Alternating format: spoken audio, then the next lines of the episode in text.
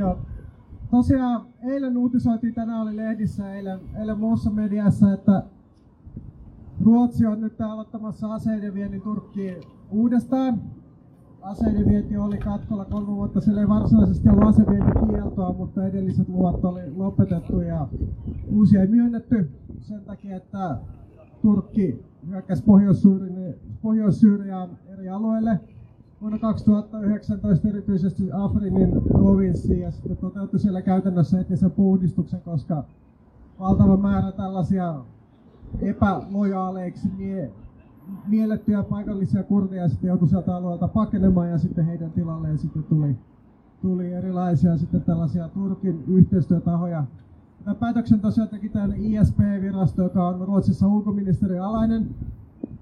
Ja tämä päätös koski ohjelmistoja ja elektroniikkaa, mikä ehkä niin kuin kuulostaa aika pieneltä, mutta ei käytännössä sitä ole, koska Turkki tällä hetkellä käy tällaista korkeateknologian sotaa Syyrian kurdiväestöä vastaan, joka justiin isketään lennokeilla ehkä kymmenien tai satojen kilometrien päästä. Justiin taannoin oli esimerkiksi isku sellaiseen kouluun, jossa entisistä lapsisotilaista, nuorista naisista ja tytöistä koulutettiin sitten siviiliammatteihin ihmisiä. Ja sinne tosiaan myös iskettiin, että selvästikin Turkin tarkoitus oli todistaa, että niin kuin kaikki kostetaan ja edes lapsia ei säästetä.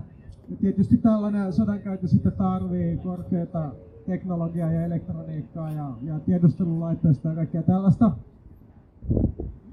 Ja myös, myös Ruotsi sitten haluaa karkottaa kurdeja. Nyt on ollut jo monta viikkoa karkotusuhka päällä. On ollut Sinan Foskurt, joka on asunut Ruotsissa vuodesta 2014 asti, ollut alun perin työviisumilla, mutta sitten kun hänen sukulaisensa joutui ongelmiin kurdialueella, niin hän haki turvapaikkaa, josta sitten tuli kielteinen päätös. Ja kielteisen päätöksen sitten yksi peruste ollut turvallisuussyyt, että hän olisi sitten, hänellä olisi yhteyksiä ekstremismiin ja terrorismiin, mikä sitten perustelut lähinnä, että hän on käynyt sitten kurdin mielenosoituksissa siellä Turkissa, siis Ruotsissa. Ja, ja Ruotsi on niin kuin ilmoittanut, että joo, että ei, Ruotsin kansalaisia ei tulla karkottamaan Turkkiin, mutta sitten samalla Ruotsissa sitten on tietysti paljon ihmisiä myös työviisumilla ja turvapaikanhakijoilla ja sitten heidän sitten tila, tilanteensa on täysin auki. Ja voi ihan niin kuin riippua täysin siitä, että mitä Erdoganille tulee milloinkin mieleen ja, ja mitä, mitä mielenliikkeitä hänellä on. Suomen ei onneksi vielä kohdistunut yhtä ankara painostus kuin Ruotsiin, mutta sekin voi olla vielä ihan hyvin edessä. Ja Turkki voi koska tahansa vaatia vaikkapa jotain aseita, että on myös jotain aseita, joita sitten voi käyttää sodassa kurdeja vastaan, tai sitten kartoittaa jotain henkilöitä, joita sitten Turkki pitää ominaan poliittisina vastustajina.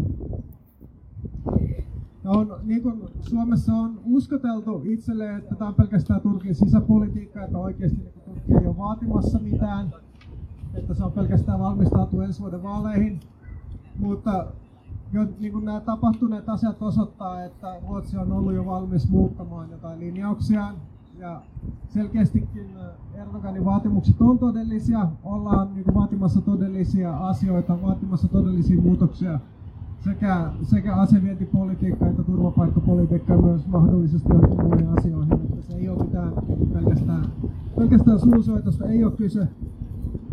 Ja sitten myös Suomessa uskotellaan, että totta kai Turkilla on tärkeä vahvempi NATO, ja totta kai niin kuin Turkki tulee sitten hieman kerääntyä taas irtopisteitä, niin Erdogan tulee suostumaan Suomen ja Ruotsin NATO-jäsenyyteen, mutta tämä asia ei ole läheskään niin, niin itsestään selvä. Että on ihan selvää, että Venäjä ei tällä hetkellä muodosta mitään uhkaa Turkille.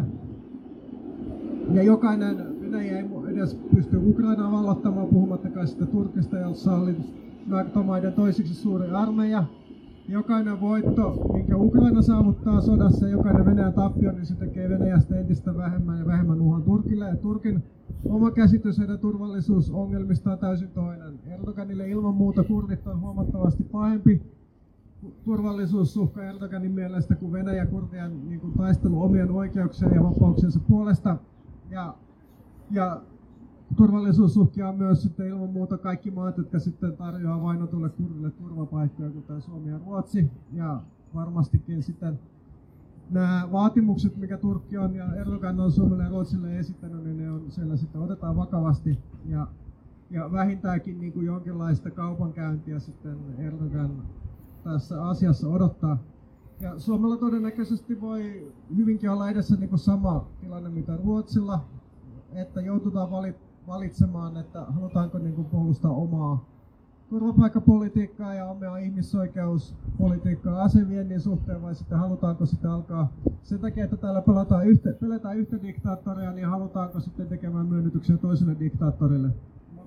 Jos pointti on, että Suomi sitten omalla, omilla turvallisuusratkaisuilla on sitten tarkoitus puolustaa ihmisoikeuksia ja ihmisoikeuksien rikkomista vastaan, niin en sitten vaikea ymmärtää, että minkä takia sitten pitäisi alkaa ihmisoikeuksia rikkomaan sitten sen takia, että, että ja tukemaan ihmisoikeuksien rikkomista sen takia, että halutaan sitten ikään kuin puolustautua ihmisoikeuksien rikkomista vastaan.